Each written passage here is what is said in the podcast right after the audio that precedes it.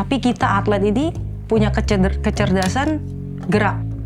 Di mana kita harus decide ke mana arah bola, Iya. apa yang kita mau lakukan. Tetapi kalau cuman itu yang dilatih, tanpa melatih logika, Iya. tanpa melatih Setuju. musik, tanpa melatih intrapersonal, interpersonalnya itu, itu nggak akan nggak akan mendukung. Inilah Endgame.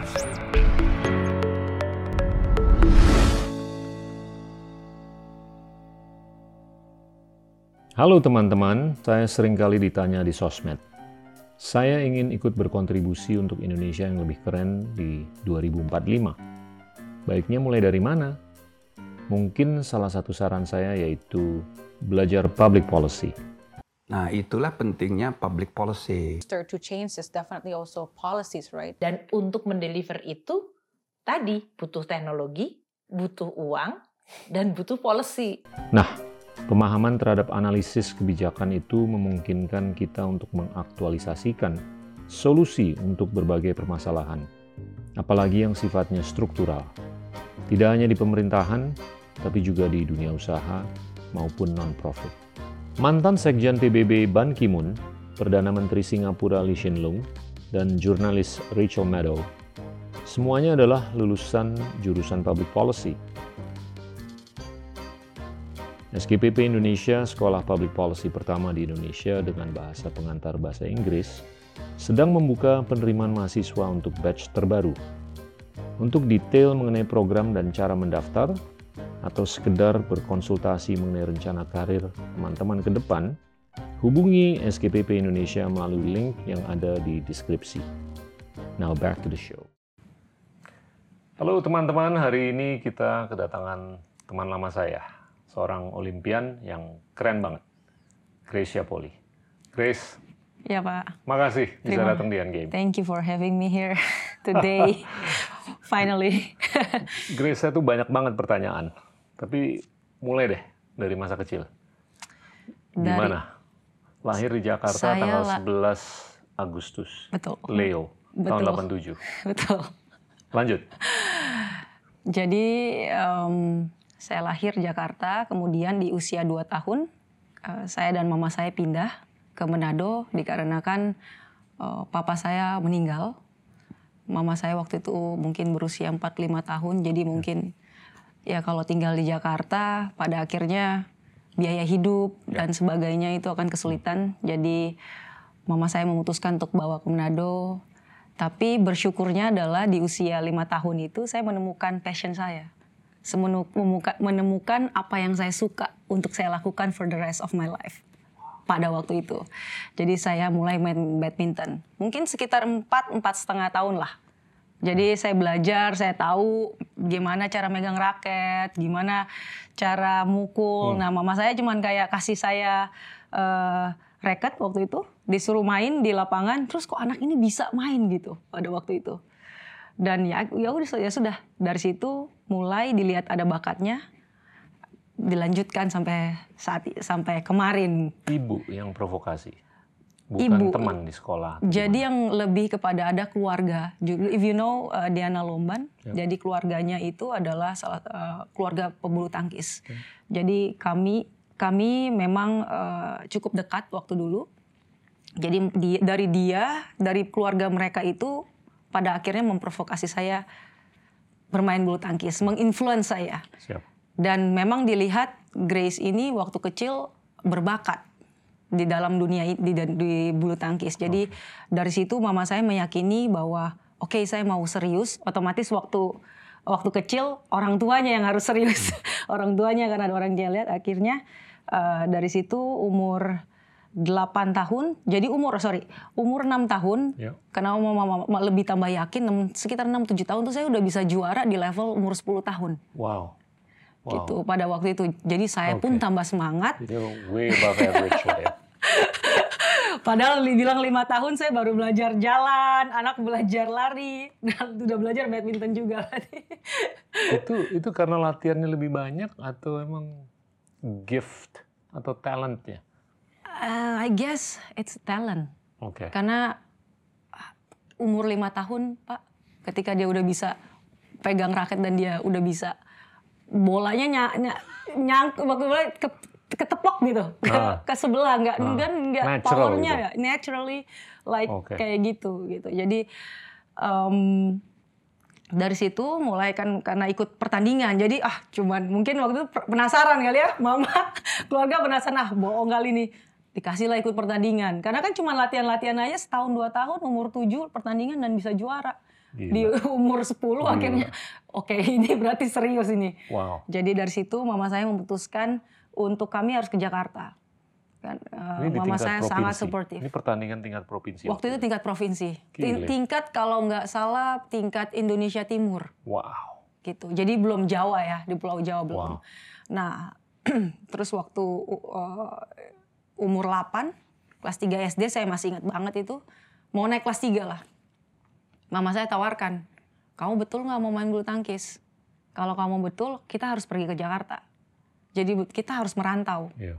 kalau cuma di Manado-Manado aja nih sekitar sini, cuma di kampung nggak akan bisa lebih. Karena waktu zaman dulu belum ada sarana dan prasarana yang baik di sana dan mungkin sparring partnernya sih. Mungkin kalau sarana ada pak, tetapi sparring partner itu yang kurang. Kita harus pergi ke Pulau Jawa. Iya.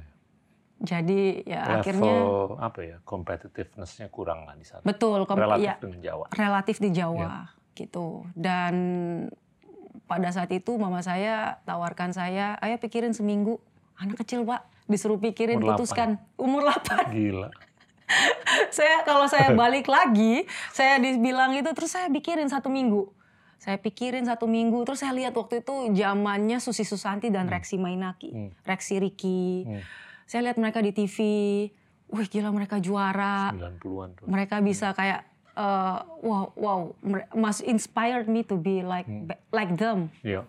pada waktu itu dan akhirnya ya mah mau ke Jakarta ini kita nggak main-main loh. Ini jauh banget Jakarta. Jakarta tuh bukan dikasih tahu dikasih tahu di peta. Jakarta tuh di sini nih nak ini Manado di sini katanya. Di ujung Walaupun Tiga lahir di Jakarta tapi nggak ada nggak ada bayangan nggak ada Gitu. bayangan yang saya tahu Jakarta mana. itu cuman pergi untuk bermain bulu tangkis. That's it. Gila.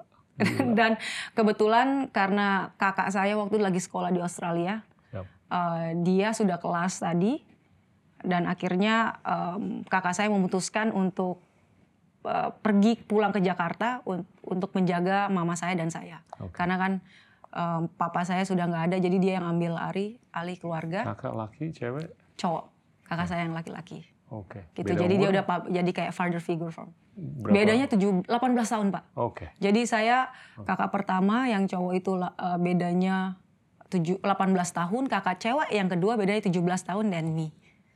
So Wow, like you're the baby.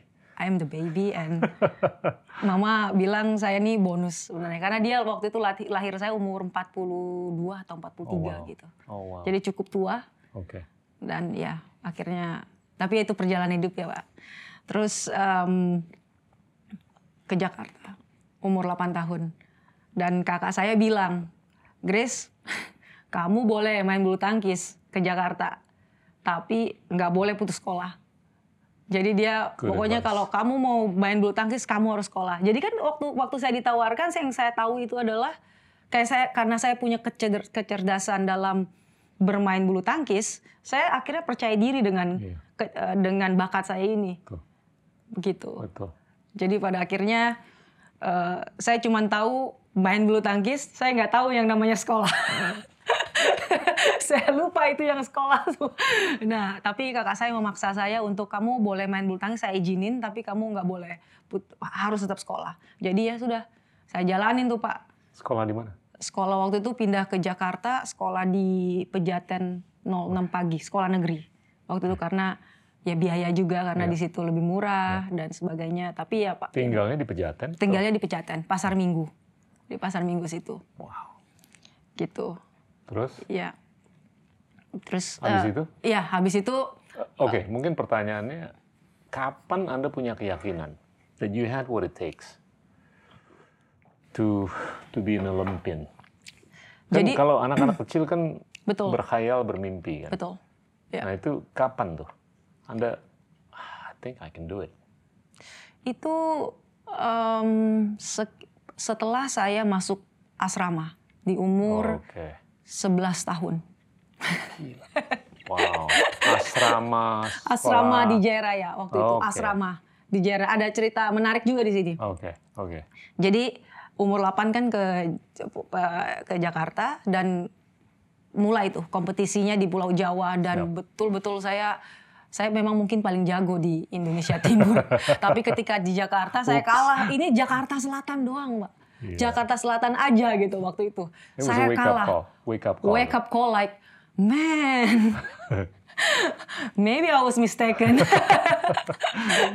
Terus habis itu saya eh, saya nangis-nangis, saya bilang mama saya mau pulang Manado aja, tapi akhirnya nggak bisa, kamu udah memutuskan untuk di sini. Akhirnya, Ya udah eh, dua tahun itu, dua tahun tiga tahun tetap latihan di Jaya Raya waktu itu dan ditempa di situ udah mulai itu mulai juara Jakarta Selatan mungkin setahun berikutnya lah. Jadi dari umur 9 10 itu mulai Jakarta Selatan juara DKI Jakarta juara tapi di kelompok umur. Dan pada akhirnya eh, nasional yang pemula. Nasional semuanya Indonesia all Indonesia bisa juara juga di umur anak-anak dan pemula pada waktu itu. Tunggu dulu, kok kedengerannya gampang? gampang. Dari kalah ke menang gitu loh. Iya, dia disuruh latihan dulu satu tahun makanya Pak. Latihannya pasti porsinya. Jadi porsinya itu ketika kan saya harus di kalau masih SD karena nggak boleh tinggalin sekolah sama kakak. Hmm. Jam 6 pagi, jam 5 saya udah bangun untuk sekolah kan pastinya. Terus eh, kelar sekolah itu sekitar jam 1, jam 2. Dan saya harus latihan malam pada waktu itu jam 6. Jam 6 sampai jam 10 malam. Oke. Karena masih anak-anak. Jadi kayak seperti latihan reguler tambahan aja kayak gitu. Dan itu saya jalanin selama setahun, sama selama kurang lebih 2-3 tahun sampai umur 11 ketika saya sudah jadi juara di eh, tingkat nasional. Akhirnya waktu itu Mbak Kus, Mbak Retno Kustia meminta saya untuk em, Grace kamu di Jaya Raya dan masuk ke pembinaan ya. Pembinaan tuh di mana kita lebih serius lagi, kita lebih eh, kita setelah SD karena nggak bisa setel- sebelum SD karena nggak boleh. Karena itu juga karena itu kan mendidik anaknya sendiri. Dia nggak boleh ninggalin keluarga sebelum umurnya sebenarnya. Sebenarnya actually 11 years is too young. Dan dan gini loh, waktu anda tuh secara khusus dan ekstra latihan, Ya. anda tahu nggak sih bahwa musuh-musuh anda tuh latihannya nggak sebanyak anda? Hmm, Atau mereka juga latihannya sama? porsinya? sama porsinya sama Wak. What what made it different? Itu yang saya curious. Nah itu like saya, kalau saya bisa memikirkan saat ini itu karena saya memikirkan pengorbanan mama saya yang sudah merantau bawa saya jauh-jauh ke Jakarta. Oke. Jadi like the will, the grit yang Iya. ada dalam diri saya itu Hmm. yang lebih besar dibanding bakat Iya. yang saya punya. Kehausan Kehausan untuk saya Grit. mau jadi juara, dan ya. untuk saya mau tunjukkan bahwa saya bisa nih Hmm, di dalam bidang ini ya. dan saya nggak mau pulang kampung dengan Ya.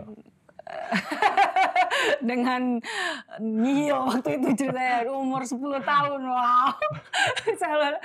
Dan ya itu yang membuat saya dan juga kakak saya juga memang support saya luar biasa. Dia selalu makanya dari kecil juga waktu saya eh, tetap disuruh sekolah kamu secapek apa pun itu kan capek banget pak.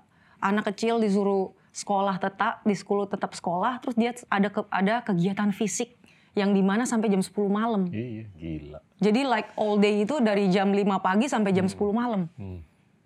seperti itu jadi itu yang dibina jadi kayak disiplinnya Iya. dia dia gritnya itu sendiri terbina dari waktu kita kecil kompet jiwa kompetisinya itu Kalau kalau dengerin ceritanya Kobe Bryant Betul. atau Rudy Hartono gitu. Mereka kan kalau ngomong ya kalau musuh gue bangun jam 5 pagi, gue bangun jam 3 pagi. ya Kalau mereka latihan 6 jam, gue latihan 10 jam. ya Nggak ada unsur waktu itu belum ada di situ saya Oke. saya cuman karena Iya. waktu umur itu kan kita Oke. nggak ada waktu nggak ada kepikiran Iya, iya. saya nggak ada pengetahuan yang yang lebih lagi itu waktu di asrama yang Iya. waktu di asrama di mana semuanya nih latihannya sama Iya. dan kita dikasih jamnya yang sama tetapi kalau kita kita cuman menurut saya kalau terus pergi pertandingan Ya. kalah kalah evaluasinya di mana nih? Wah ternyata harus dengar lagi nih eh, dulu motivator dari Ya. motivasi dari mungkin dari Rudi Hartono dari senior senior yang lain dulu kamu harus latihan lebih banyak dibanding yang lain betul pak jadi karena kita udah di asrama kita udah tahu jamnya ibarat setengah jam atau satu jam aja harus tuh yang saya la- apalagi sudah di platnas waktu itu Masuk umur berapa, Platnas? saya masuk umur eh, 15 mau 16 Oke. gitu Oke. Gitu. Sekolah masih jalan. sekolah masih jalan. Jadi memang waktu itu kami eh, setelah umur 11 itu kakak saya saya di, di, di- mau dipinang dari beberapa klub, Siap. tetapi kakak saya bilang cari yang ada sekolahnya. Pokoknya kakak saya selalu ngomong iya sekolah bukan sekolah bukan cuman sekolah eh, apa eh, nama aja. Jadi kan kita kalau di di atlet itu memang kita kadang dikasih sekolah, tetapi kadang ya sekolah pas ujian aja. Ya. Kakak saya nggak mau itu. Kakak saya mau bener-bener kamu harus sekolah setiap hari supaya ada yang masuk ke otak, otak kamu. Saya cuma digituin aja. Terus akhirnya setuju akhirnya Jaya Raya. Jaya Raya adalah tempat di mana kami bisa sekolah seperti biasa, tapi latihan juga full. Oke. Itu lebih gila lagi sih eh, latihan dan sekolahnya. Jadi di umur 11 kira-kira sampai saya umur 15 Oke. Kehidupan saya sekolah latihan. Sekarang latihan jam 5 sampai jam 7.30 jam 7 terus pergi sekolah jam 7.30 jam 1 siang jam 2 kelar. Sekitar jam 2 sampai atau jam 3 itu latihan lagi sampai jam 6 7 Gila. makan sedikit kami sekolah lagi pak.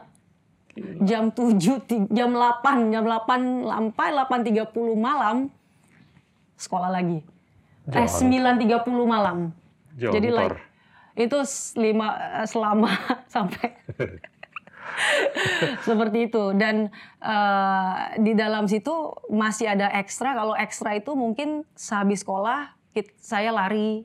Kayak I do whatever it takes pokoknya waktu itu. Karena saya udah di di Ragunan nih. Saya udah di eh, sport school dan Jaya Raya. Gimana saya harus cepat-cepat pengen banget masuk platnas. Supaya benar-benar cita-citanya bisa tercapai pada waktu itu.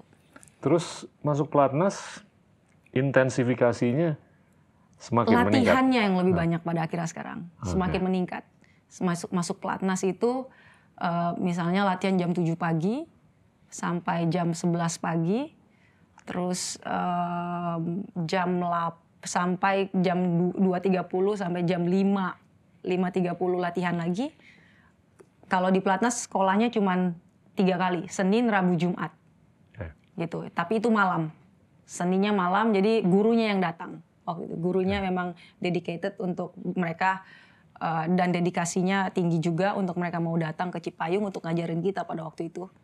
Gitu. Di Platas karena joinan eh, dari PBSI eh, masih tetap support em, atlet yang masih bersekolah. Salah satunya di Jaya Raya itu. When did you realize you could win gold, the Olympics?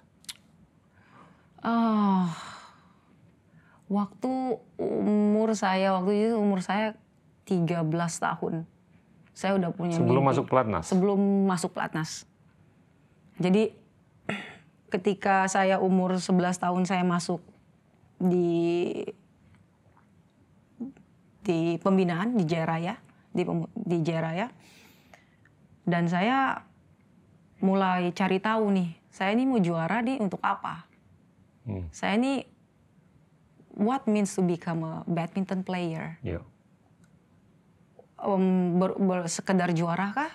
Atau sekedar ya karena ini memang saya suka? Ya. Kayak gitu. Dan umur 13 tahun saya mulai baca sejarah bulu tangkis Indonesia. Terus saya mulai lihat Susi Susanti sudah juara Olimpiade. Kita kan sebagai atlet waktu itu sudah ada eh, Target. mimpi dan target. Saya harus ikut Olimpiade yang paling tinggi itu, Ya. ya kan? Su- Terus saya pelajarin sejarah Olimpiade. Saya pelajarin kejuaraan dunia dan lain-lain. Saya lihat Indonesia sejarahnya belum ada ganda putri. Ya. Waktu itu saya sudah ada main saya main tiga, main single, double dan mix. Gila. single double di umur 13 tahun itu. Gila. Terus Mbak Kus ini melihat Uh, dan tim pembinaan melihat saya ini bagusnya di double. Ya. Gitu. Bakat dan talenta saya bagusnya di, lebih ke cenderung ke double. Ke double. Tetapi ketika melihat ketika sudah di double ada lagi nih mau double putri atau mix double. Hmm. Karena harus dari kecil, harus dari Iya. umur 13 tahun diasah, dilihat permainannya. Dan pada saat itu saya punya saya ketika saya disuruh pilih, saya lihat lagi sejarahnya. Ya. Ganda putri belum ada yang jadi juara nih. Siapa nih yang jadi belum ada waktu itu saya lihat, oh Ci Imelda juara Asian Games, Bu Ferawati Ya. eh, almarhum juga juara Asian Games, Bu Retno Kustia atau Piala Uber dua kali dimenangkan oleh tim Uber eh, eh, oleh Indonesia. Ya. Saya belajarin semua dan saya lihat gap kosongnya ini adalah di Olimpiade, Ya. di mana ganda putri belum ada di situ. Ya. Jadi pada saat itu saya akhir dalam hati saya harus jadi harus isi nih. Terus saya belajar sejarah dulu kan bahasa Indonesia atau sejarah saya suka banget sejarah pak. Oke. Sejarah apa aja Kita saya ngomong belajarin. sejarah loh kalau mau. Tapi Saya juga Semoga suka, masih ada- suka banget sih. Iya, saya suka. Jadi saya coba pelajarin em, Indonesia, terus ke sejarah-sejarah bahwa sebagai bangsa Indonesia kita harus Siap. mengisi Hmm. eh, kemerdekaan atau kekosongan Hmm. em, dengan apa yang kita punya, Ya. dengan talenta bakat. Dengan begitu, dari itu kan pengetahuan pendidikan dari sekolah, Pak. Betul. Dengan begitu saya punya nalar, pada akhirnya saya harus nih, saya harus jadi pemain ganda putri. Walaupun pada waktu itu kenyataannya saya juara ganda putri remaja, tapi saya juara mixed double ganda campuran itu ju- juara di Taruna. Taruna itu di umur 18 tahun. Saya umur 13, 14 saya juara ganda campurannya di umur 18 tahun, 17 tahun. Tempting banget tuh. Betul. Kebayang. dulu Pak, eh, dulu eh, sekarang Richard Mainaki Iya. pelatihnya Owi Butet. Iya. Dan dulu lihat Grace kamu bagus di ganda put, ganda Lalu? campuran. Saya dikasih saya sama Hendra Setiawan dulu. Jadi saya eh, dilihat ganda campurannya yang bagus ya karena juga partner saya juga bagus ya. Waktu itu berbakat juga. Dan tapi dalam hati itu tetap saya ingin selalu di ganda putri. Oke, instingnya ke sana ya. Instingnya ke sana karena di tahun itu tahun 2000, Pak. Iya. Tahun 2000 di mana Olimpiade 2000 tahun 2000 dimenangkan oleh Chandra Tony Iya. dan yang kedua adalah Trikus, Mas Trikus dan Cimeme. Cimeme namanya siapa ya? Minarti Timur. Ya. Oke. Mereka itu udah ada medali. Tapi badminton eh, ganda putri mana nih? Dari situ saya tuh Keren, kayak keren. like dan itu saya yakin ini visi bukan bukan hanya datang dari dari diri saya sendiri, tapi saya rasa ini datangnya dari Tuhan. Pertama yang kasih saya visi Ya. dan yang di mana saya harus eh, berpikir secara secara nalar saya harus berpikir nih ini make sense nggak nih menguntungkan menguntungkan mana nih menguntungkan main ganda campuran lebih cepat mana nih ganda campuran berprestasinya lebih cepat mana nih ganda, ganda campuran atau ganda putri nih Jadi Seperti itu. kekosongan justru yang menjadi motivasi. betul kekosongan itu yang Iya menjadi kan? motivasi saya pada waktu itu Karena gampang loh untuk kita tuh, tempting banget lah. Karena ganda campuran kan pasti udah dibidik betul dan kayaknya udah terbukti presidennya ada. ada di tahun Kesuksesan. 2000 betul Iya kan? saya ingat banget itu waktu itu 2000 itu ingat ya Minarti Timur Hmm. dan Trikus Mas Trikus itu juga eh, runner up sil- silver dan saya lihat ada udah ada mixed double Hmm. dan kesinambungannya setelah itu yang saya pelajarin di pelatnas em, banyak sekali talenta Iya, di situ iya. dan salah satunya Cibutet Liliana Natsir Yep. begitu Another betul good friend of ours. Iya, betul. Dan dia eh, berbakat sekali di di bidang itu. Dan saya lihat, saya harus ngisi nih. Hmm. Saya harus ngisi nih ganda putri. Saya nggak tahu lah gimana caranya. Dan saya saya melihat ini waktu waktu zaman itu, Pak. Ya. China lagi mendominasi Iya, iya. luar biasa di ganda putri. Iya. 20 Gila tahun, ya, Pak. beda banget loh. 20 tahun. Iya. Dulu Mereka mendo- mendominasi sampai 2016. Sampai Jepang Iya. jadi juara tuh. Duh, saya merinding. sekarang agak beda. petanya, Betul. Iya kan, udah lebih diverse. Betul. Lebih. Dan mereka sampai bilang, saya waktu itu banyak ditentang. Setelah masuk pelatnas nih, Hmm. umur 15 ya. Kayak masuk pelatnas, eh, saya masih bisa disuruh pilih ganda putri, ganda campuran, Putri. putri. Iya. Tapi mereka pembina ini di pelatnas tidak tidak membiarkan saya begitu saja di ganda putri, tapi de- mereka mau juga saya main ganda campuran sesekali supaya untuk mengasah kemampuan. Iya. Karena kalau nggak jadi di ganda putri bisa di ganda campuran Iya. atau di ganda campuran sekalian. Tapi saya tetap keyakinan saya saya pengen banget main di ganda putri. Ingin sekali waktu itu. Oke, fast forward. Selama Anda di Platnas, belasan, puluhan tahun, hampir 20 tahun kan? Ya. Cerita deh, ada, ada I dua pertanyaan. Huh? Am I the longest? I think Kayaknya. so. Iya, I think so. I guess for a good reason. Iya. Iya kan? Iya. Not a bad reason. Justru ini saya mau tanya. Dalam 19-20 tahun itu di Platnas, dua hal yang saya mau tanya. Apa sih yang bisa lebih baik atau bisa diperbaiki dari sisi pembinaan dan latihan? Terus pertanyaan kedua, apa tuh yang menjadi momen-momen yang down banget? Hmm, Pasti ada kan beberapa betul. dalam konteks kompetisi, kejuaraan dan segalanya. Cerita deh guys. Iya. Yang pertama itu yang saya bisa bilang adalah kita dibutuhkan yang namanya sport science, Pak. Oke, Gitu. oke. Dan itu datangnya di saya harus bilang di zaman Bapak. ini ini bukan mau narsis gini. ini saya, saya justru harus- mau nanya Anda saya- secara objektif. enggak, enggak, iya, iya, iya. Ini juga nggak ada di, di pertanyaan. Ah. Di call sheet nggak ada. Iya, iya. Oh. Tapi setelah kami setelah 2014 13 itu ya, 13 14 Siap. itu setelah sport science masuk itu perbedaannya cukup jauh. Oke. Yang saya bilang. Jadi atlet seorang atlet tuh tahu bagaimana dia harus membawa, menjaga dirinya sendiri. Dalam arti membawa dan menjaga menjaga itu kita harus tahu apa yang kita makan, intake-nya apa, terus apa yang kita harus kita buang kalori berapa. Kita juga harus tahu bagaimana cara kita bermain, Siap. gimana cara gimana cara kita karena setiap atlet itu punya bakat berbeda-beda, punya cara bermain berbeda-beda. Jadi apa yang dilatih dengan saya kepada saya mungkin tidak bisa dilatih kepada Liliana Natsir contohnya atau Apriani Rahayu partner saya. Jadi itu selalu akan membedakan. Ya. Jadi ketika ada sport science itu akan lebih efektif pada akhirnya. Dan waktu itu saya masih ingat um, Eng Hian dia sudah bapak juga bawa dia ke ke Indonesia. Eh, jadi dia juga setelah belajar di mana di Singapura, dia udah belajar sport science juga. Dia juga kasih tahu saya. Ketika saya melatih, saya selalu ke saya sama dia bukan cuma masalah teknik bolanya nol lob chop harus masuk tipis ya, tapi saya cara bagaimana cara dia bagaimana cara si a- efektif e- efektifness dalam sebuah Hmm. Pelatihan itu yang Ya. kepada si at- Disesuaikan. disesuaikan kepada atletnya. Iya. Gitu. Dan pemberdayaan data. Betul, pembayar Analisa, data, statistik dan statistik, ya. dan evaluasi dalam kita nonton visualisasi. Iya. Kita disediakan waktu itu disediakan yang namanya room visualisasi Iya. dan sebagainya itu.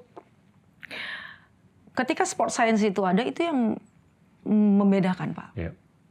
Gitu. Dan itu yang saya jadi mengerti kalau dulu kenapa saya sering cedera Ya. karena saya mainnya terlalu saya latihannya sebenarnya saya latihannya nggak boleh yang A nih kita nggak usah ngomong cara-cara teknik ya latihan tapi saya nggak boleh yang A nih sebenarnya Hmm. Ya. tapi saya lakukan yang A Ya. sebenarnya saya harus yang B Ya. gitu nah ketika sport science saat itu ada itu membantu kami untuk lebih teliti lagi lebih detail lagi dalam membangun atletnya Ya. Begitu Oke. yang That's good to hear. ya Ya kan? Dan mudah-mudahan itu lebih bisa diperkaya ke depan. betul Iya kan? dan ya Dan dan saya tahu lah di negara-negara maju itu pemberdayaan sport science itu canggih banget. canggih banget ya pak kan? Ya, kita dengan apa pun lah keterbatasannya aja udah bisa membuahkan Betul. juara-juara. Apalagi kalau itu lebih diperkaya lagi ke depan. iya betul Ya kan? ya Nah, kalau dalam konteks kompetisi, Grace, Anda nggak selalu menang kan? Betul. Cerita deh. Does Saat it, yang does it really ya. hurt when you lose? Then it's gotta feel shitty, right? G- Gimana tuh? Bounce-nya gimana? How do you Iya. bounce?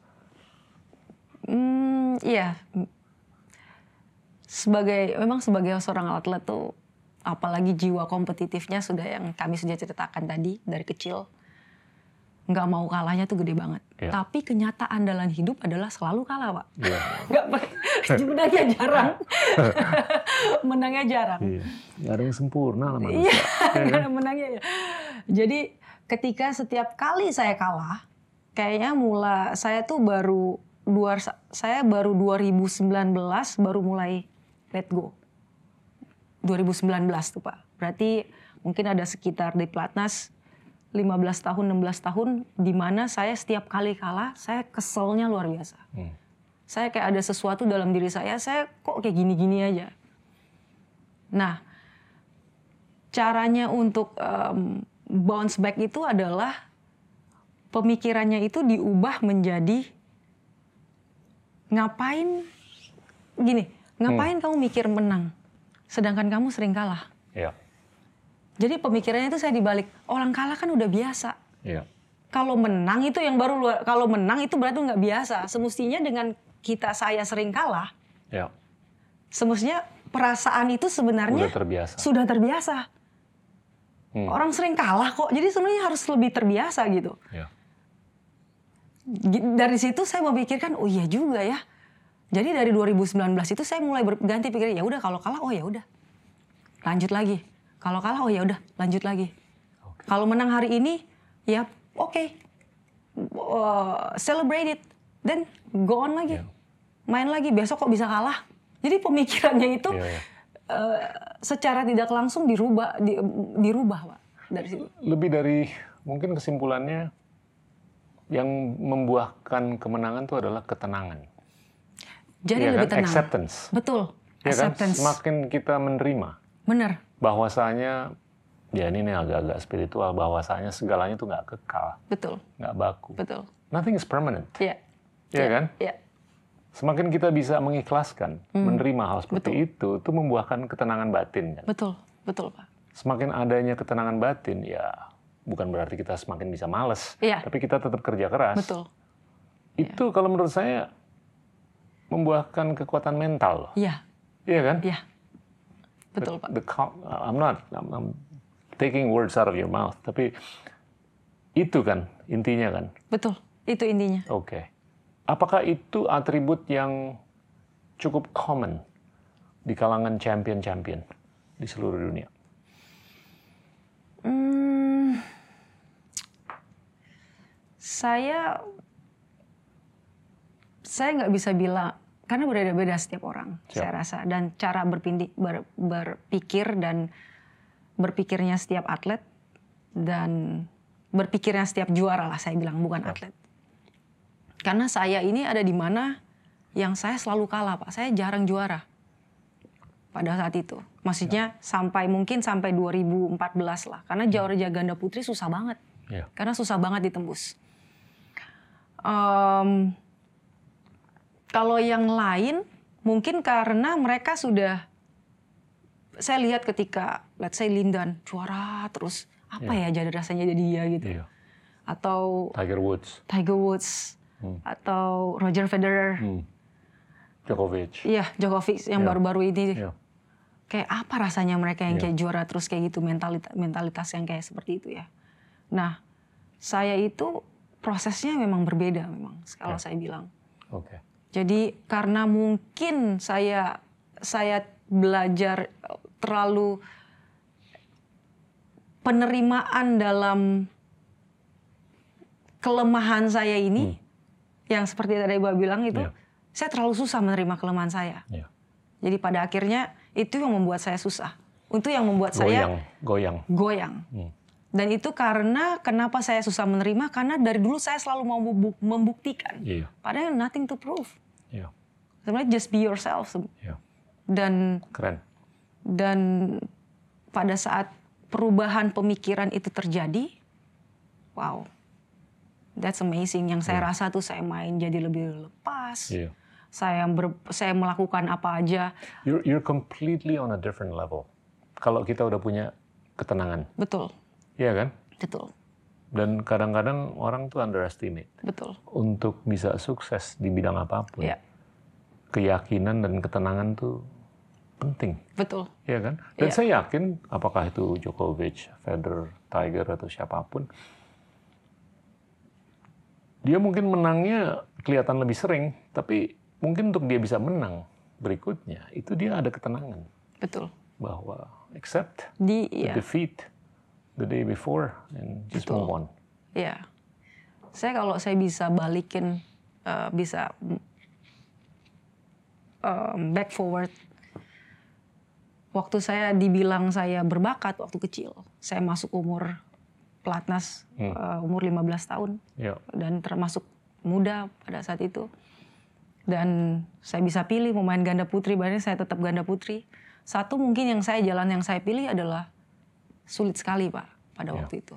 Itu yang membuat saya pada akhirnya makin dengan berjalannya umur 15-16 tahun sam- sampai mungkin sekitar 2012 ya 2000 sebelum bapak masuk itu itu apa saya salah ya saya pilih jalan nih Padahal kok keyakinan tuh ada gitu Iya, untuk iya. mengisi kekosongan ganda putri ini gitu. Atau saya bener nggak sih jadi pemain bulu tangkis? Hmm. Dan saya perjalanan saya itu memang dari kecil dari ah, kecil bagus, tiba-tiba mau masuk senior nih bener-bener ya. banyak cedera, cedera lutut, semua cedera saya udah ada pak. Waktu saya muda. Jadi mana- pala saya juga. Gitu. Cedera itu udah ada sampai pada akhirnya di 2012 itu memang yang saya di mana didiskualifikasi dari Olimpiade itu yang membuat saya pada akhirnya berpikir ulang terus menerus. Iya. Padahal ini saya bener nggak ya ada di sini gitu, Iya. ada di ganda putri pada saat itu. Dan dengan dengan dilewatin dengan cedera soso Iya. permainan saya tuh kayak bakat saya tuh soso aja gitu. Iya. Terus kalau kita mau dibilang sebenarnya lagi pada saat itu peluru Indonesia cuma satu. Ganda Indonesia tuh cuma satu. Ganda putri Indonesia. Sedangkan Cina, kenapa Cina bisa garu ada lima atau enam pasang? Juaranya mereka ganti-gantian. Nggak itu aja gitu. Ada satu yang luar dua, dua yang luar biasa. Nah, itu yang membuat saya pada akhirnya kok saya kalah terus. Dan fate, fate saya yang meng- menggebu-gebu dulu itu bisa turun jauh. Turun 2012 itu saya bilang "Ah, Itu, Itu yang- 2013 bangkit lagi dong. Betul. Karena pada akhirnya ketika saya 2013 bangkit, 14 saya bisa jadi juara Asian Games itu dengan eh, bersama Nitya. Saya jadi ingat lagi ya you you were there.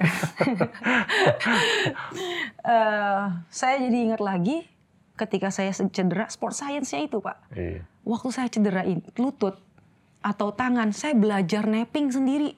Iya. Saya belajar YouTube. Tapi pada akhirnya saya bersyukur. Kejadian yang lama nih dari tahun 2003 sampai 2012 saya masuk pelatnas tuh 2000 ya saya kan banyak kegagalan tuh. Sosok saya tuh pemain yang sosok lah. Di situ saya belajar banyak banget yang namanya sport science tapi dari diri sendiri. Sport science dari natural, natural atau yang datangnya dari belajar diri, dari diri sendiri.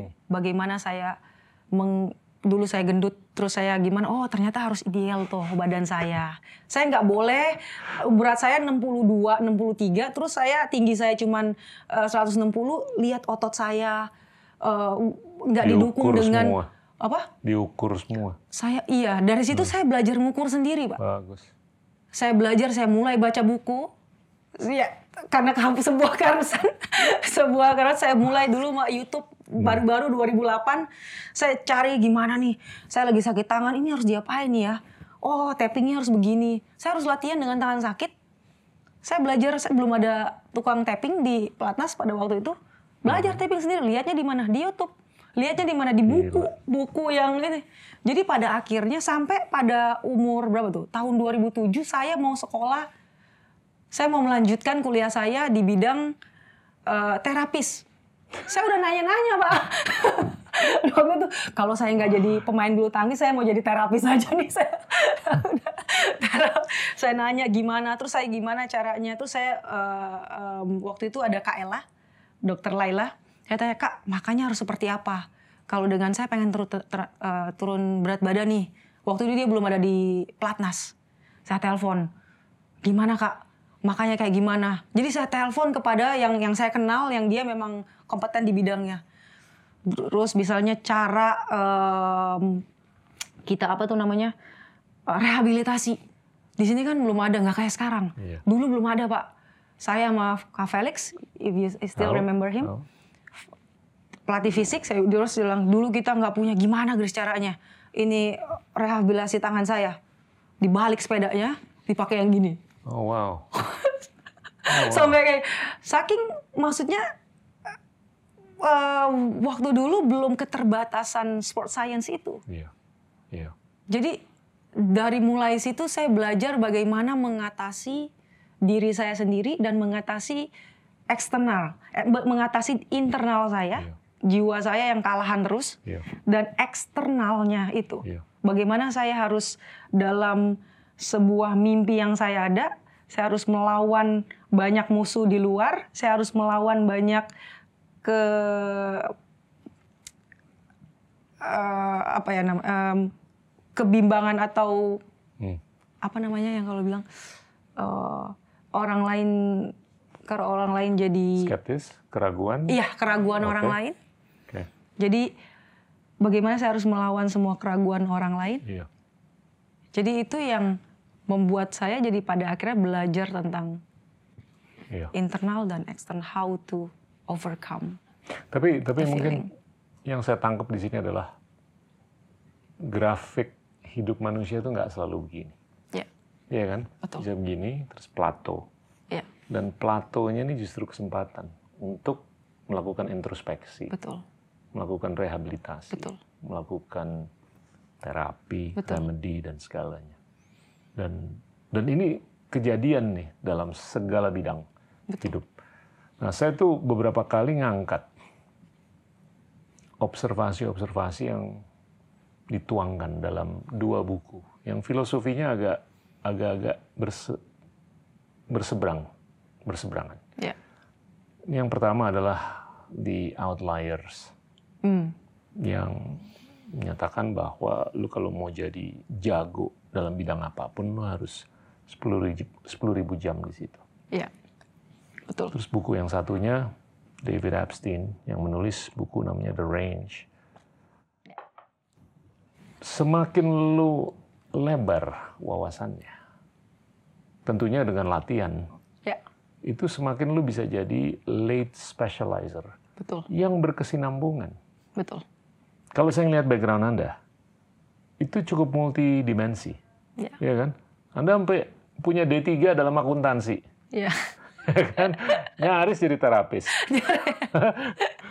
Terus ya nanti kita ngobrol lah apa yang Anda lakukan sekarang. Completely different ya. dari apa yang Anda lakukan selama puluhan tahun kan. Hmm. Nah, Anda tuh di kubu yang mana nih? Kubu the range atau the outliers? Saya the range Oke.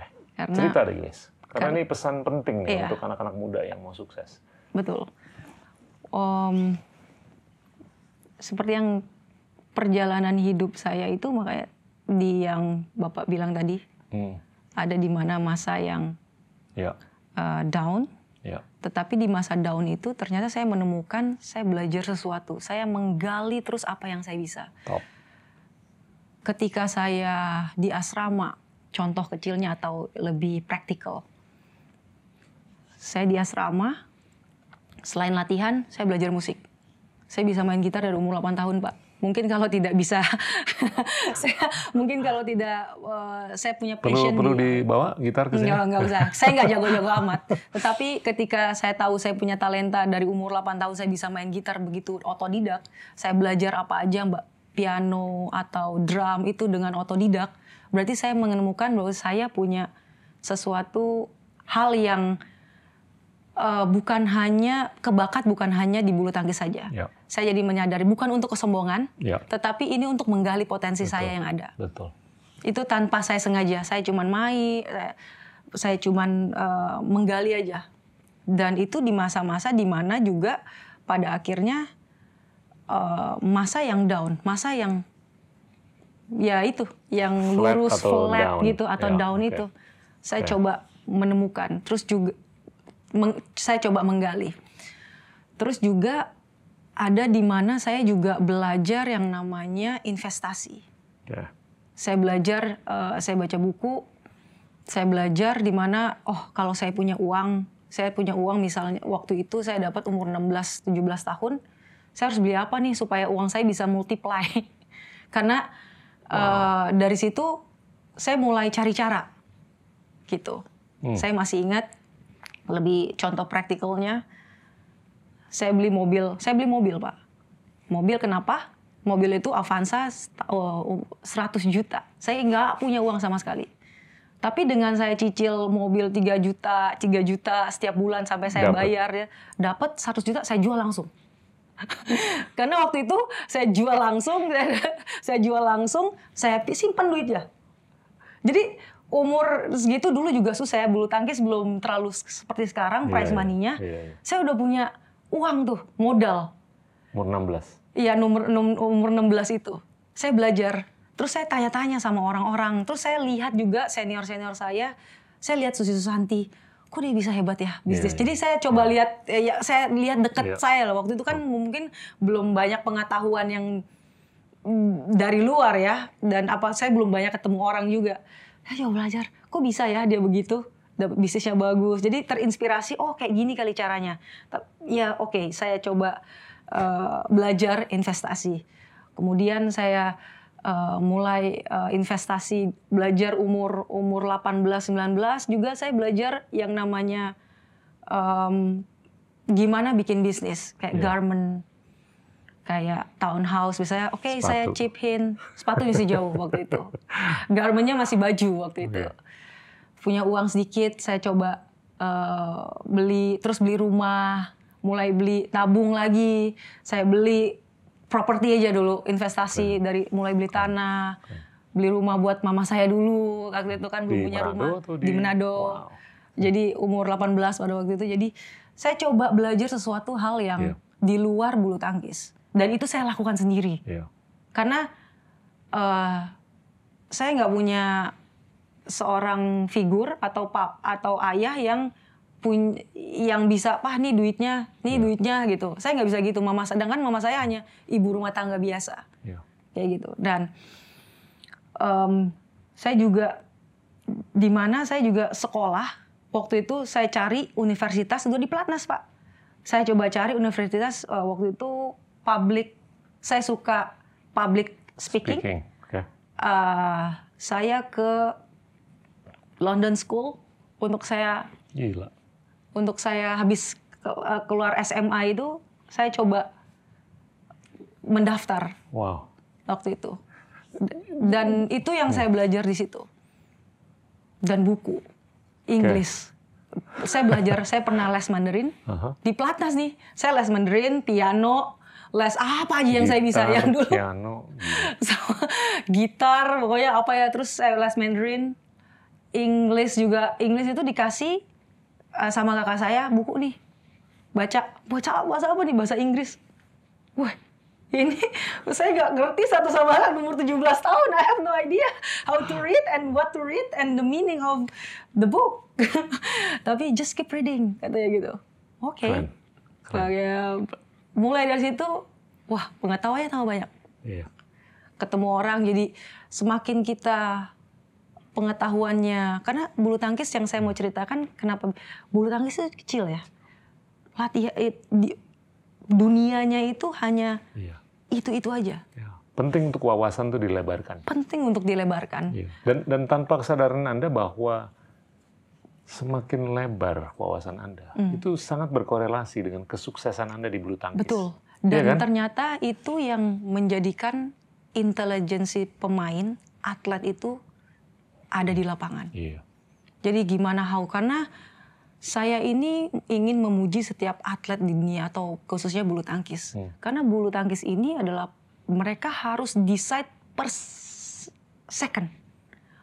Per detik itu ke mana arah bola. Iya. Desainnya tuh harus bener. Iya. Kita punya kecerdasan, saya nggak hafal semua kecerdasan, tapi kecerdasan yang ini kecerdasan Iya. gerak. Iya. Ada kecerdasan musikal, ada kecerdasan mungkin logika.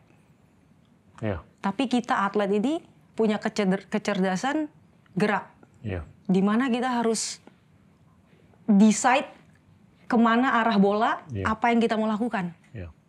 Tetapi kalau cuman itu yang dilatih, Iya. tanpa melatih logika, Iya. tanpa melatih Setuju. musik, tanpa melatih Iya. intrapersonal, interpersonalnya itu, itu nggak akan nggak akan mendukung. Jadi Iya. semakin saya semakin diverse. betul semakin diverse, itu semakin kita ya terbukti. betul. Grace, saya mau tanya. Ini pertanyaan terakhir mengenai bulu tangkis sebelum kita ke non bulu tangkis. Anda dengan Nitya tahun 2016 Ya, di Rio, betul. terus dengan Apri 2021 di Olimpik 2020. Cerita deh bedanya antara dua event yang besar itu. Dan dan ujung-ujungnya saya pengen tahu detik-detik terakhir tahun 2021, 24 jam terakhir. Gimana tuh? Kolesterol naik nggak sih? Atau apa pun lah. Ya, Halo teman-teman, terima kasih sudah menjadi teman setia Endgame. Cek rilis terbaru dari Future Narrators Merchandise Collection dan dukung terus misi kami untuk mencari ide-ide terbaik dari narator-narator keren lainnya. Link pemesanan ada di deskripsi. Now back to the show.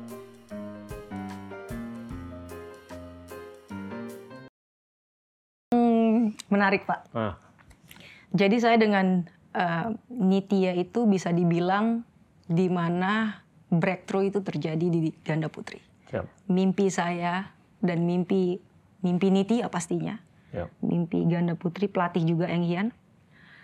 Atau mimpi Indonesia lah, mimpi kita siap, semua. Siap, Ganda putri ada di 2014 bisa juara Asian Games. Akhirnya ada lagi itu membuat suatu, me- menjadikan suatu semangat yang baru. Ya. Bisa diandalkan, mulai mulai berbicara. Hmm.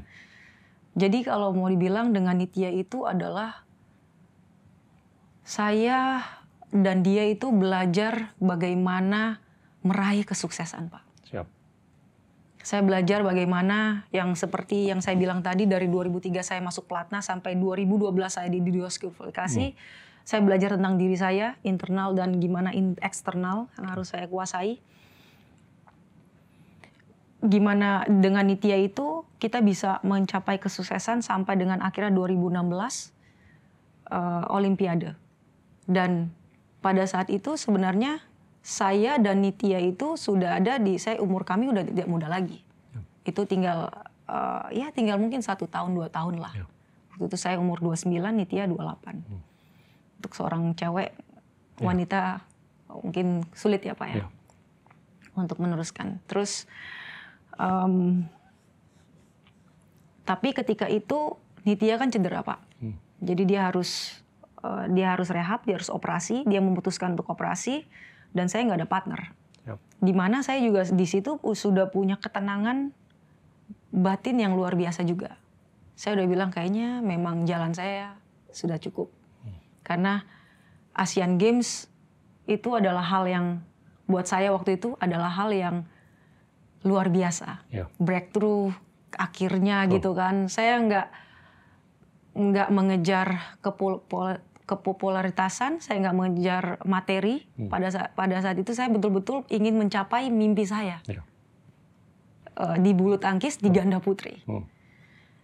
Di situ saya dengan Nitya. Tapi karena saya masih sehat dan kuat ketika di fisik lagi, di apa, dilihat lagi fisiknya, Ko Didi Eng Hian bilang, Gris kamu at least setahun deh, gitu. Atau saya nggak bisa bilang setahun deh waktu dia bilang, Hmm. kamu di sini untuk eh, bantu dulu ya adik-adiknya, gitu. Bantu adik-adiknya supaya karena gapnya waktu itu masih jauh banget, Pak. Betul. jauh sekali. Ya. Terus saya berpikir, saya waktu itu sudah berpacaran dan sudah mau menikah gitu. Dengan umur juga sudah 29 tahun, Pak. Hmm. udah cukup Udah ya, ada Pak, ya? deadline, udah ada Iya, udah deadline. deadline gitu waktu itu. Dan ya udah akhirnya em, kok Didi bilang tapi siapa kok partnernya? Ya akhir-akhirnya nyoba dulu dengan yang lain sampai pada akhirnya Apri main dua- ma- masuk 2017 2017 April masuk 2017 awal 2017 Maret April kami dipartnerkan dipasangkan nah dengan pemikiran maksudnya dengan per- cara permainan saya yang sudah Hmm. uh, cukup dibilang cukup dewasa cukup matang cukup bisa membawa um, atlet yang lain atau adik-adik yang lain ini Hmm. untuk bisa sama levelnya kan kita harus diangkat ya pak ya Hmm. Adik, saya mungkin sudah ada di sini nah Apriani masih di sini masih di bawah karena dia baru masuk Ya. gimana caranya saya harus angkat dia Hmm. supaya sama levelnya dengan saya dalam cara permainan dalam cara berpikir juga dua itu yang jadi PR saya pada Ya. waktu itu Hmm.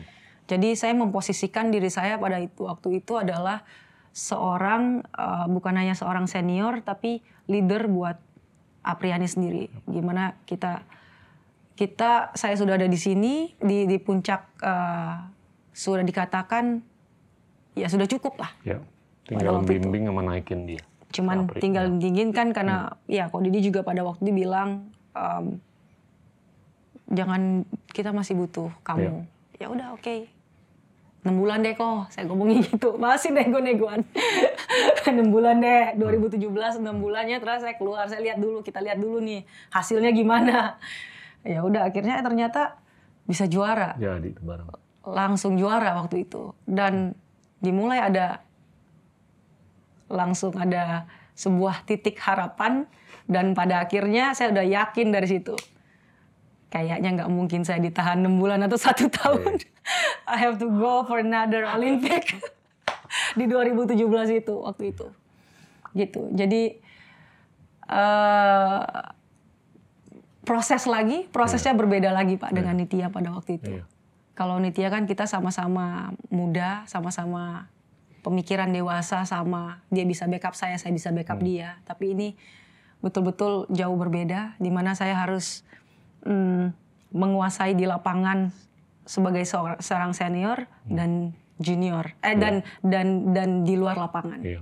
gitu kalau kalau bedanya itu adalah di dalam em, kalau dalam se- seorang pemain ganda kita harus chemistry-nya harus dapat Betul. dan juga kita harus kompak satu sama lain. Jadi eh, harus seimbang semuanya. Hmm. Kalau kita naik, kita harus naik juga. Kita eh, yang partner saya naik, saya harus naik juga. Fisik partner saya naik, saya harus backup. Iya. Saya harus harus level yang sama. Nah kalau ini masih masih jauh, gitu. Hmm. Punya bakat, yes, Apriani sangat berbakat. Hmm. Tetapi pelan-pelan naiknya itu prosesnya. Iya. Saya bilang Tuhan, nyampe nggak 2020? Iya. Oke kita bisa jadi juara, juara Super Series pada waktu itu. Langsung juara Super Series Pak. Jadi kan sesuatu ya, berarti Tuhan mau saya stay another another another four years. Hmm, akhirnya eh, di situ saya dengan Apriani pelan-pelan harus catch up. Saya turun dulu levelnya. Dalam secara permainan nggak bisa turun karena dia harus. Tapi dalam secara pemikiran saya harus nggak boleh membawa ego saya, pride saya yang dulu. Saya harus turun tuh Ya. ke tengah-tengah Hmm. baru akib dia. Kayak gimana? Saya harus eh, gimana Pri udah makan belum? Gimana? Hal yang kecil. Iya. Saya baca buku waktu itu Speed of Trust. Eh, udah ba- Pak Pak pasti udah baca. Saya baca di situ bagus banget dia bilang bahwa terlepas dia umur waktu itu masih 19 tahun Pak. Saya sudah 29 tahun. Bedanya 10 tahun. Itu bukan Penting.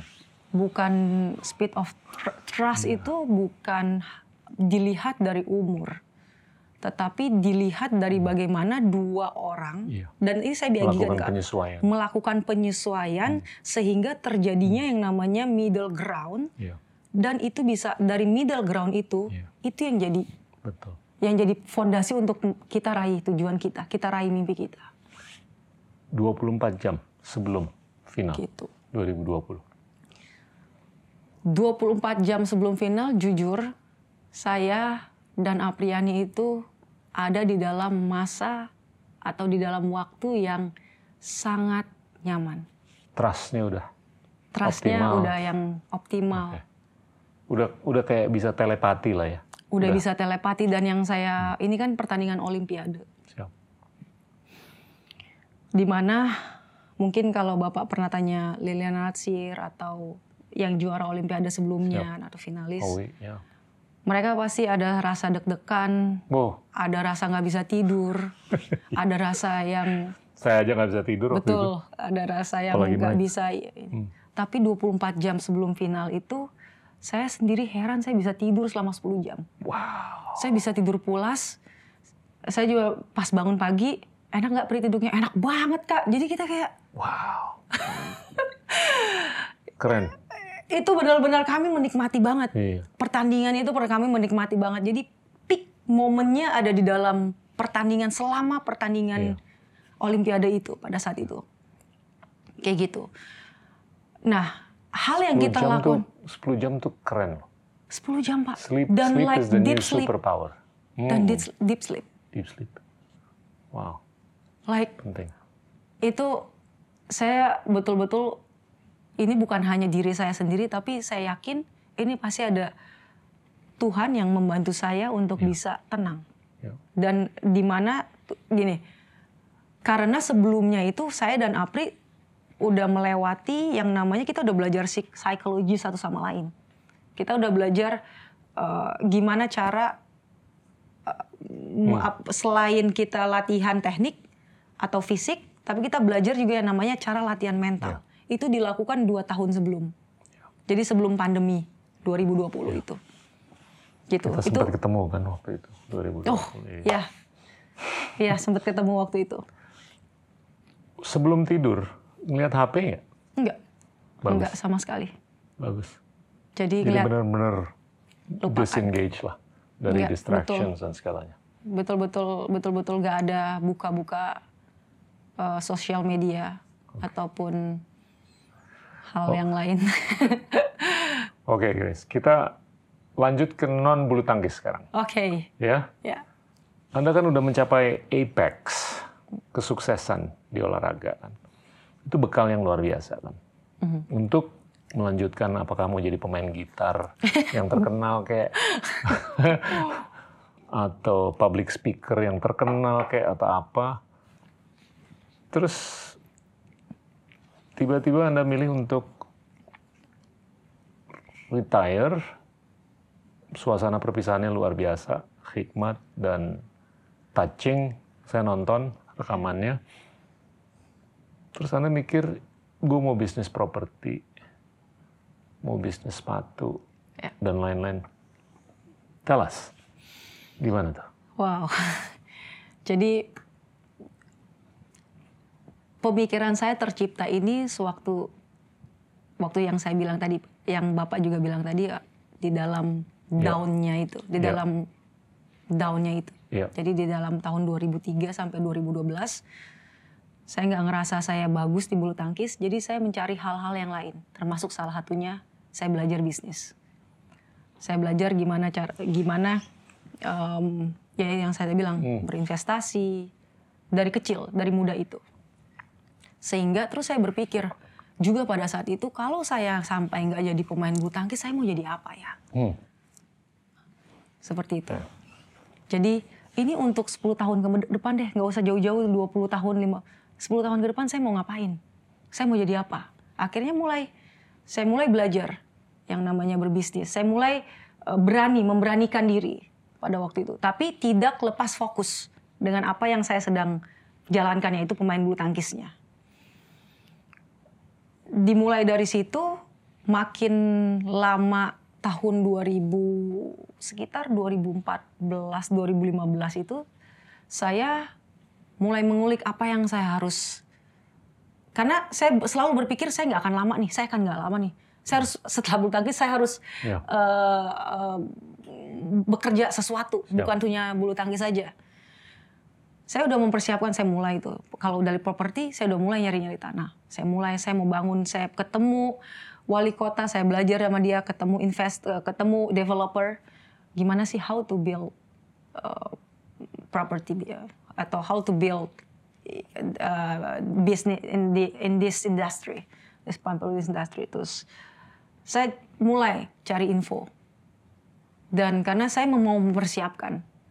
Nah dari situ ya udah, terus mulai banyak link, mulai banyak koneksi, mulai kenal banyak orang, mulai sukanya apa? Oh teman saya ada yang benar kita suka fashion dan kita punya suka sepatu, jadilah Fine Council.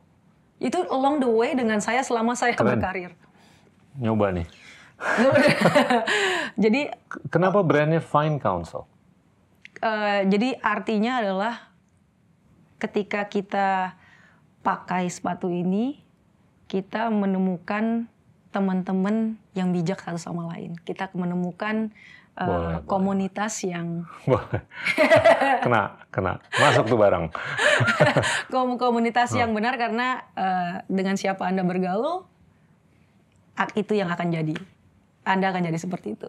Wow. Barangnya kan kalau di dalam kalau saya bilang kutip di ayat Alkitab di sini pergaulan yang baik akan menciptakan pergau- pergaulan yang baik juga. Pergaulan yang buruk akan menciptakan pergaulan buruk juga. Keren. Gitu. Jadi Keren. eh, hal ini yang membuat kita. Jadi tema ininya kan ya walk with the wise juga. Walk with the Oke. wise. Jadi ini kita pengen ada sisi positifnya Ya. di dalam di dalam brand ini Oke. ketika orang memakai ini. Anda ngelihat diri Anda sendiri itu sebagai pengusaha Hmm, for the next, I don't know, 5 tahun, 10 tahun, 15 tahun, 20 tahun. eh, iya pak, Oke. karena mungkin dari kecil dari ya belasan tahun yang saya cerita Ah. tadi, eh, kayaknya iya betul. Saya Apa su- yang suka. yang akan digeluti selain sepatu? Em, saya pasti akan go have to.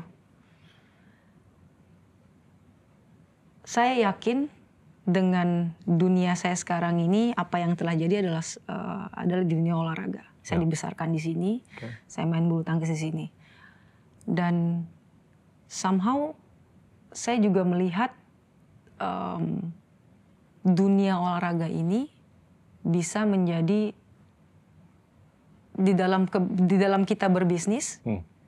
di- kita bisa mensupport dunia olahraga ini sendiri karena Ya. kalau mau bilang di dunia olahraga saya makanya saya tidak buka misalnya toko sport Iya. kita tidak buka eh, Iya. misalnya apa ya Terlalu obvious. terlalu obvious. Jadi saya cari yang sedi- yang lain. Ya saya mau Iya. belajar hal apa aja sekarang saya lagi belajarin, Pak. Oke. Gitu. Menarik. Saya lagi akhir-akhir ini saya lagi belajar pertenakan. Saya lagi belajar semuanya saya belajarin. Jadi ketika keti- eh, ketika saya nanti saya pasti akan tetap berkontribusi di dunia olahraga. Bentuknya apa itu itu saya belum tahu nanti. Tapi yang sekarang yang Iya. saya lagi bangun adalah gimana caranya supaya dalam setiap usaha atau talenta yang saya ada ini itu bisa menopang Iya. Olahraga ini, bisa mengkontribusi sesuatu yang baik. Dan nggak perlu secara langsung. ini. Secara nggak langsung juga nggak apa-apa. Betul, betul. Dan dan yang saya perhatiin Anda tuh ini sering saya sampaikan kapasitas atau kepentingan orang untuk berpikir secara divergent Hmm, itu penting ya, untuk melebarkan wawasan. ya, Dan Anda tuh kalau saya baca patternnya tuh cukup eksperimental, berani gitu loh nyoba main gitar, berani nyoba jadi akuntan, berani nyoba jadi terapis. Sekarang peternakan ya, dan ini kayaknya bakal berkesinambungan, ya kan? betul. Nah, mungkin the moral of the story adalah jangan stop melakukan eksperimentasi, ya kan? Selama itu bisa membawa kebijaksanaan, Betul. jangan terlalu eksperimental juga, Iya, ya betul. kan? Dan kedua, mungkin yang saya tarik di sini benangnya adalah Anda tuh lebih fokus bukan ke what and where-nya. Anda lebih fokus ke how-nya. Ya, Iya kan? betul. Coba deh dielaborat. Hmm, Dan ini bisa di-apply dalam konteks olahraga dan non olahraga juga kan? iya betul. Gimana Grace? Em, how-nya itu yang harus kita miliki, miliki dulu itu adalah keterbukaan. Iya. Yang seperti Iya, Pak Gita juga pernah share. iya, Ketika kita mau keterbukaan itu, ketika kita mau belajar sesuatu, ketika kita mau diajarkan dan belajar, iya, itu adalah hal yang fondasi utama. iya, Yang feeling itu dulu deh, betul, how-nya. Betul. Gue mau belajar ini, baca apa? Ah nggak penting. Kadang-kadang gitu kan. Iya, Ah nggak penting lah. iya, terlalu pusing, terlalu banyak. No, padahal ketika kita lihat ke suatu titik, misalnya baca sesuatu, misalnya, oh ini ternyata penting ya. Mungkin kita nggak nyambung awalnya, tetapi ketika kita mau belajar dan menyimak, at least for five minutes, 10 minutes, I guess, itu akan nyambung. Oh begini ya. Apalagi dengan sekarang yang dunianya eh, teknologi sudah Hmm, luar biasa canggihnya. iya, Di mana aja kita bisa dapat informasi. Ya asal harus hati-hati juga, Betul. saring informasinya semuanya. betul. Saya mau nanya itu nanti. oh udah langsung ke situ ya, oke belum sih. Enggak, enggak, enggak nanti.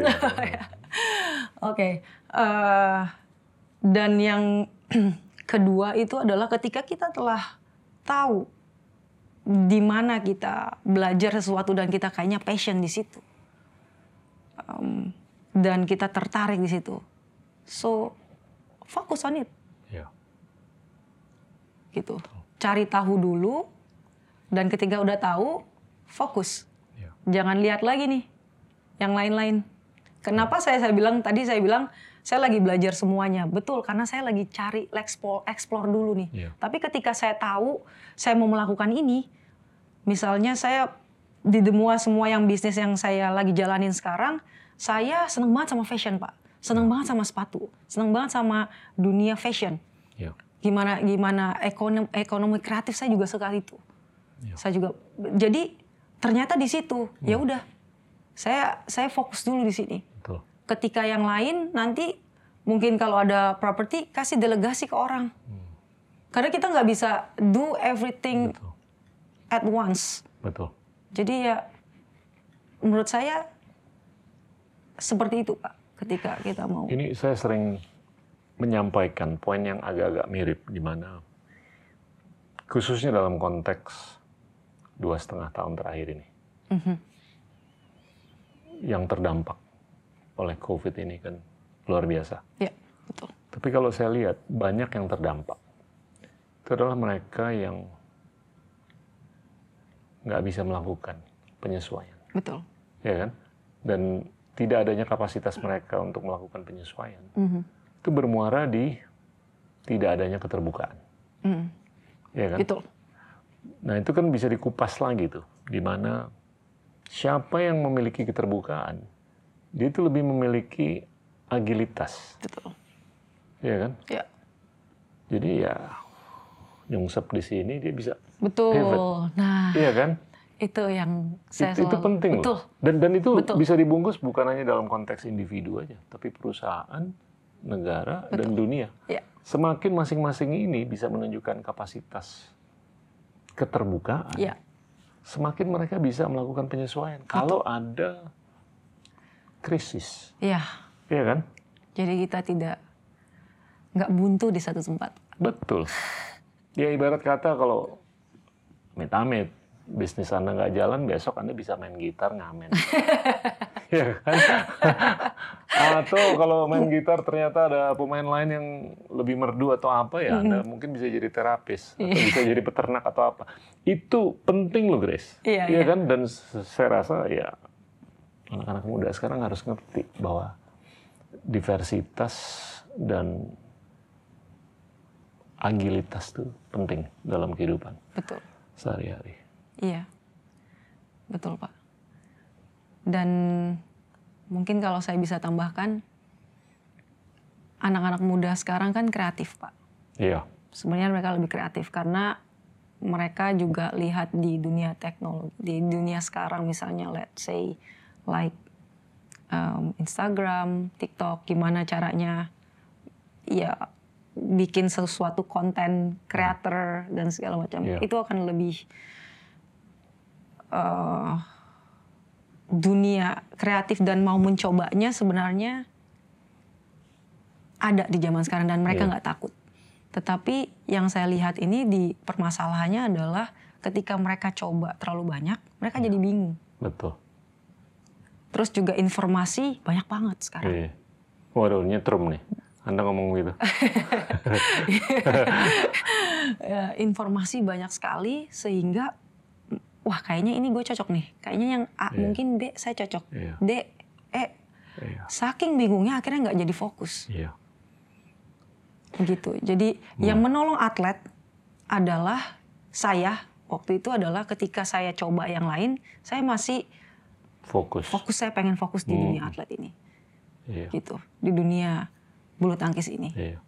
juara itu bonus dari Tuhan. Iya. Juara itu adalah sebuah ya kita berusaha latihan Iya. main 20 ya juara kan kadang ada yang itu ya Pak ya apa namanya? Ya memang wah memang udah takdir jadi juara. Iya. Emang takdir kadang. Betul. Tapi ya itu. Karena saya juga ada di dalam saya melihat itu semua dalam oke di di di saya ditolong itu karena saya punya satu special um, pekerjaan yang memang saya harus lakukan Iya. gitu talenta ini jadi saya fokus di sini Iya. dan saya berharap juga ya anak-anak muda sekarang Betul. atau Penting. kita semua Penting sekarang sekali. kita punya fokus jangan Iya. sampai miss nih ke mana nih maunya nih Iya. gitu Saya tuh, ya Anda nyebut TikTok sama Instagram. Saya kalau perhatiin anak-anak muda sekarang, yang masih kecil, itu udah diperbolehkan. Hmm. Ya selama mereka ngelihat yang bagus di TikTok sama Instagram, oke, ya kan? Tapi kalau mereka satu ngelihat yang nggak bagus, terus mereka nggak ada keinginan atau kapasitas untuk fokus, Hmm. Mereka kan ngelihat HP ke 9 sampai 10 jam sehari. Iya. Nah ini kan bisa dibilang nih generasi Z nih adalah generasi yang diasuh lebih oleh TikTok sama Instagram Iya. dibandingkan orang tua mereka. Mm-mm. Karena mereka spend time dengan orang tua mereka tuh jauh lebih dikit Hmm. daripada mereka ngeliat HP 9-10 jam. Iya. Iya kan? Iya. Tidur 8 jam. Betul. Sekolah 8 jam. Lihat HP 10 jam. Jadi sambil tidur dia nonton TikTok sama Instagram juga. Atau sambil sekolah dia nonton TikTok sama Instagram juga. Iya, iya. Kecuali kalau dia baca email Iya. atau dia baca jurnal, ada lah, tapi itu perkecualian. Mm-mm. Tapi mayoritas. Nah itu, Betul. ini saya mau bidik pembicaraan kita nih mengenai masa depan Indonesia menuju 2045. Anda kan bisa dibilang tuh sosok, ya kan, yang menjadi idola oleh masyarakat luas. Contoh baik apa yang Anda bisa berikan atau sampaikan untuk kepentingan pendidikan mereka ke depan, secara sosial ataupun secara kompetitif untuk menjadi pengusaha yang berkenan atau olahragawati atau olahragawan yang berkenan. Iya, em, yang pertama yang saya bisa contohkan itu adalah mungkin dalam proses kehidupan saya sendiri. Karena proses saya kehidupan dalam menuju juara olimpiade atau menuju yang kita mau dalam kehidupan kesuksesan itu itu nggak mudah. Ya, perlu 20 berarti 20 tahun saya di pelatnas atau 30 tahun untuk saya Iya. bisa jadi suatu juara gitu. Nah, saya pengen dan saya berkeinginan bahwa anak-anak muda atau orang tem- teman-teman di luar itu bisa menghargai yang namanya proses dalam kehidupan. Gak apa-apa sekarang kalau mereka ibaratnya bersakit-sakit dahulu lah. Aduh kok gue gini-gini aja ya. Atau kok gue nggak menuju, kok nggak ada hasil yang eh, yang tanda kutipnya kayak besar gitu, besar di mata dunia ya, gitu. Tapi kan sebenarnya kalau kita berjalanan sehari-hari dengan prosesnya ini, kita telah membentuk tanpa kita sadar kita telah membentuk suatu yang namanya kalau kita tetap bertahan ya, kita tidak belok ke kanan, belok ke kiri, kita tetap bertahan yang namanya karakter. Ya. Dalam proses itu yang namanya karakter itu dibentuk sebelum mencapai kesuksesan. Ya. Seperti itu. Saya nggak bisa bilang bahwa mungkin yang saya bisa contohkan dengan saya dengan dengan Apriani, di mana di generasi yang berbeda, kami Ya. datang bedanya 10 tahun, tetapi kami bisa sama-sama juara Olimpiade. Ada di puncak yang tertinggi. Kalau saya, karakter saya dibentuk untuk mencapai kejuaraan. Kalau Apriani, itu ada di khusus, it's good, ada di kesuksesan di mana dia masih muda Ya. harus ditempuh ditem- harus dibina dengan juga harus dilandasi dan fondasi dengan karakter Ya. yang kuat juga. Supaya sustainable dan supaya- betul. berkesinambungan. Iya. Kesannya kok dia cepet, Ya. kok saya lambat. Iya. Tetapi di situ ada proses sebenarnya. Penting. Before or after Iya. we get like kesuksesannya itu, itu pasti akan ada proses yang Hmm. proses yang Iya. yang yang kita nggak bisa membanding yang kita nggak bisa membanding bandingkan dengan orang lain Iya. itu udah prosesnya sendiri sendiri saya punya prosesnya sendiri Apriani punya prosesnya sendiri Saya ingin menggunakan metafor ini loh. Edmund Hillary, pendaki Everest. Oke. yang pertama. saya Iya dengar kan? nih bapak pernah share waktu itu di pelatnas Betul kan? Iya. Manifestasi kesuksesan dia itu bisa dibilang instan. Mhm. ya kan? Dia mungkin pertama kali atau kedua kali nyoba, duk. Tapi banyak yang nggak tahu atau sadar. betul Yang ngangkat barang-barangnya dia Hmm. itu adalah Sherpa. ya Yang seumur hidup tuh naik turun, ya kan? Anda mungkin Sherpanya nih, iya ya kan? Siapa pun yang jadi mitra Anda, mau Apri atau Nitya atau mungkin Apri, itu dia admin Hillary-nya, ya Hmm. kan? Tapi ya mudah-mudahan dengan beliau dipasangin dengan Anda, itu maturity-nya Hmm, berkembang dan terbangun. Dan Betul. sudah. betul dan sudah Iya kan? ya Dan semakin dia menyadari bahwasanya tanpa Sherpa, proses dia Hmm, berkembang ke depan itu semakin matang. betul Iya kan? iya Bisa nggak menggunakan metafor itu? Em, mungkin kalau boleh saya tambahkan adalah sebenarnya saya dan Apri ini adalah kita yang pendaki betul Iya, yang menuju iya. servanya sebenarnya mungkin Anda bisa dibilang pendaki yang duluan, tapi Betul. Anda yang bantuin pendaki penerusnya. Sebenarnya kesuksesan saya ini juga dibantu juga dengan dengan dia Saling membantu. Saling membantu. Saling Jadi membantu. makanya saya bilang adalah Oke. em, kita ini adalah dua pendaki yang di mana umurnya jauh berbeda Iya, mau menuju puncak yang sama iya. yang dibantu oleh para pelatih, Iya. para pembina. Sherpanya sebenarnya yang pelatih. Bapak Saya Sherpa yang paling bontot. salah satunya. Tapi Nah, oke, keren itu- nih, keren nih Grace. itu- Karena waktu mendaki kalian berdua, itu kalian saling menyaksikan kan Betul, kami saling membantu. pelajaran-pelajaran Betul, dan itu membangun karakter, betul. iya kan? Ya, Walaupun di permukaan kelihatannya dia lebih instan daripada Anda, di permukaan. tapi perjalanan ke atasnya Betul, itu komunikasi itu sama. antara Anda dengan dia, Mm-mm, itu cobaannya gila tuh, Betul. iya kan? Ya, Dan itu yang membuahkan kebijaksanaan. betul. Ya, dan itu mengapa orang-orang bilang kok kayak ada sesuatu yang berbeda, ada chemistry yang berbeda Iya. antara saya dengan Apriani. Iya, Karena yang Bapak bilang tadi itu yang membuat berbeda. iya, ke- em, sebuah komunikasi yang yang kita telah bina satu sama lain, iya, chemistry akhirnya itu nyampe nyambung bondingnya tuh kuat banget. iya, Sehingga ketika kita main, kita penuh dengan kegembiraan. betul. Kita bertanding, kita tidak bawa sebuah beban. Beban Iya. itu ada pasti eksternal, tapi internal kita sangat suka dengan olahraga ini. Tujuannya sama, dakinya sama, mau ke puncak gunung. Betul. seperti itu dan ya Tergelincir sama-sama. betul tergelincir kan? sama-sama walaupun ada di dalam level yang seperti saya bilang awal tadi, Iya. kita ada di level yang berbeda gitu dalam secara kedewasaan. Tetapi makin ke sini, makin naik, saya bantu naik, tarik, Apri makin bantu saya dalam sisi Iya. kekuatan. Iya. Saya nggak makin mudah. Iya. Saya juga nggak. Saya nggak- Semuanya nggak semakin mudah. Jadi eh, di situlah yang Oke. ya. Grace, di ujungnya nih saya selalu nanya mengenai 2045. Mhm. Anda kan suka berkhayal nih. Iya kan? Ya. Goal setting Anda tuh Kok bapak tahu kalau saya suka berkhayal? kalau nggak kalau nggak suami nggak mungkin main gitar. Kalau nggak berkhayal nggak mungkin jadi mau mau jadi peternak. iya kan? Itu Enggak kan itu belajar pak. Anda tuh kaya dengan imajinasi.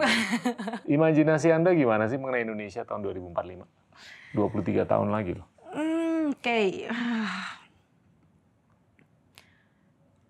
Yang Oke, Saya mulai yang dari, dari yang gampang dulu Tunggu. deh. Mhm. Kita semestinya udah menang dong Olimpiade di Tunggal Putri. Sebelum Hmm. 2045. Iya duluan kan? Iya. Duluan loh. Oh maksudnya tunggal putri ya? Tunggal Putri bukan ganda putri. Oh, ya. Hmm, Itu kan yang didambakan kan oleh masyarakat luas. Iya. Ya kan? Iya, Ada nggak khayalan ke sana? Ada pak. Ada kan? Ada. Ada. Keren loh. Kalau bisa tuh. Iya. Betul. Betul pak. Dan udah terbukti sebelumnya, Susi. Iya. Iya kan? Sudah Bukan ada bisa. sebuah ya sebuah contoh. Presidennya udah ada. Mm-mm. Nah itu dalam konteks bulu tangkis. Di luar bulu tangkis, 2045. Visualisasinya tuh kayak gimana? Khayalannya kayak gimana? Em, saya eh, saya ini lagi ketika kita bicara dalam industri contohnya yang saya lagi geluti sekarang adalah produk Indonesia Pak. Mungkin sepatu yang saya lagi geluti. Saya punya cita-cita adalah em, bagaimana ekonomi Indonesia, ekonomi kreatif Indonesia itu bisa berbicara di luar. Top. Kita bi- bisa ekspor sebanyak mungkin. Ya. Kita udah Pak, sebenarnya. Ya. Karena banyak brand atau orang atau brand-brand ternama dari luar itu datang ke Indonesia, mereka pakai. Ya. Karena kita pembuat, pengrajin. Iya. Tapi bagaimana caranya produk kita sendiri yang dibuat dari dalam kita negeri sendiri. pengrajin sendiri itu memang benar-benar bisa terkenal Ya. dunia fashion di dunia bisa go internasional bisa dilihat dari mana sini Indonesia Fine Jadi- Council. Udah bertengger di sana. amin untuk itu tetapi dari mana aja pak maksud saya Iya. saya ber saya Salah betul-betul satunya. Ba- Mudah-mudahan. Iya, mudah-mudahan salah Iya. satunya. Tapi yang seperti mungkin saya habis uh, tweet, eh bukan tweet, tweet zaman uh, Insta Story hari ini Iya. Bahwa kita ini adalah bangsa pencipta, Iya. bukan hanya pengguna. Iya. Keren. Kita ada di mana? di mana dulu? Kalau saya lihat Pak, saya perhatiin sosial media paling gede dulu Twitter loh, let's say. Oh Facebook. Oke, Iya. Facebook masih masih oke ya. Iya. 2008, 2009 Indonesia atau uh, India Iya. atau negara-negara besar lainnya mereka punya. Ketika when it comes to Twitter, gila loh Indonesia Pak. Usernya banyak sekali. Dan kita nge-tweet itu hampir setiap detik. Termasuk saya. Termasuk saya juga. Kalau Anda menang, saya tweet. Tahun 2011 itu waktu itu. Ketika ada zaman sosial media apalagi pet lah apalah segala macam dan itu kan uh, uh, bukan hanya sosial media, tapi ketika barang-barang brand dari luar semua datang ke Indonesia untuk semua berlomba-lomba untuk memakai itu. Betul. Terus saya pikir why don't we like do something Iya. more than this? Iya. kita ciptakan gitu loh. Kita saya berkerinduan gitu loh, Pak. Karena kalau masalah olahraga apalagi bulu tangkis kita ciptakannya banyak, Pak. Iya. Kita terkenal di sini. Iya. Indonesia dikenal dari bulu tangkis, tapi kita saya juga punya kerinduan Indonesia bukan hanya terkenal dari bulu tangkis, Absolutely. tapi terkenal dari bidang-bidang yang lainnya. Iya. Nah salah satunya dari yang saya lagi geluti sekarang adalah di dunia fashionnya ini. Iya, Ketika kita bisa masuk keren. Fashion Week di Paris, betul-betul literally diundang di Produk sana udah ya. ada. Produk sangat bisa dipertanggungjawabkan. Seperti yang saya sering omongin. Kurang storyteller. Betul. Itu yang saya baru belajar kemarin di Inggris, Pak. Dan Anda, Betul. feeling saya bisa jadi storyteller untuk Indonesia. Hmm, Iya kan? Udah bisa bahasa Inggris. sedikit. baca buku. Tapi iya tinggal itu aja digosok storytellingnya dengan produk-produk apakah itu barang ataupun jasa yang bisa dibuat di sini. Betul. Betul. Apalagi Grace, pesan terakhir untuk teman-teman. Hmm, saya ingin teman-teman sekarang, kalau dulu mungkin 4 tahun, 5 tahun dulu saya suka bilang gali potensinya. Ya, Tapi kalau sekarang saya ingin fokus. Saya ingin kasih tahu teman-teman kita harus fokus di satu bidang yang kita sudah cari. Ketika udah fokus itu, itu gagal itu kan udah pasti. iya, Tapi kalau kita suka, why not kalau kita coba terus. Nanti kalau sampai pada akhirnya ketemu yang lain yang betul-betul nyantol bikin Iya. merinding, betul. bikin kayak, aduh ini kayaknya ini gue harus nih. Bukan it, when it comes bukan sekedar uh, money ke uang pak atau populer. Itu waktu kita suka sesuatu kita merinding terus kita kayaknya, duh Ya. kayaknya ini bukan sesuatu bukan kayak saya mau cari uang cari tapi kayak saya pengen kasih sesuatu Kepuasan batin. kepuasan batin itu. Ya. Nah kita udah punya itu kita harus fokus. Fokus, proses, harus diverse, nggak usah takut gagal. Diverse, Banyak nih pesan-pesannya. iya. Diverse itu harus. Iya, Itu adalah fondasi. range. Range. itu adalah fondasi. Siap. Karena kalau kita nggak jadi A, kita bisa ada B. Tapi Bisa. ketika diverse itu sebenarnya untuk me- mendukung kita untuk melakukan sesuatu hal yang kita lagi fokus. Wow, thank you banget, Chris. Ya, Sama-sama, Pak. Jadi keluar semuanya. amin, amin, amin, amin, amin. Teman-teman, itulah Gracia Poli, Olimpian yang keren banget. Terima kasih. Inilah Endgame.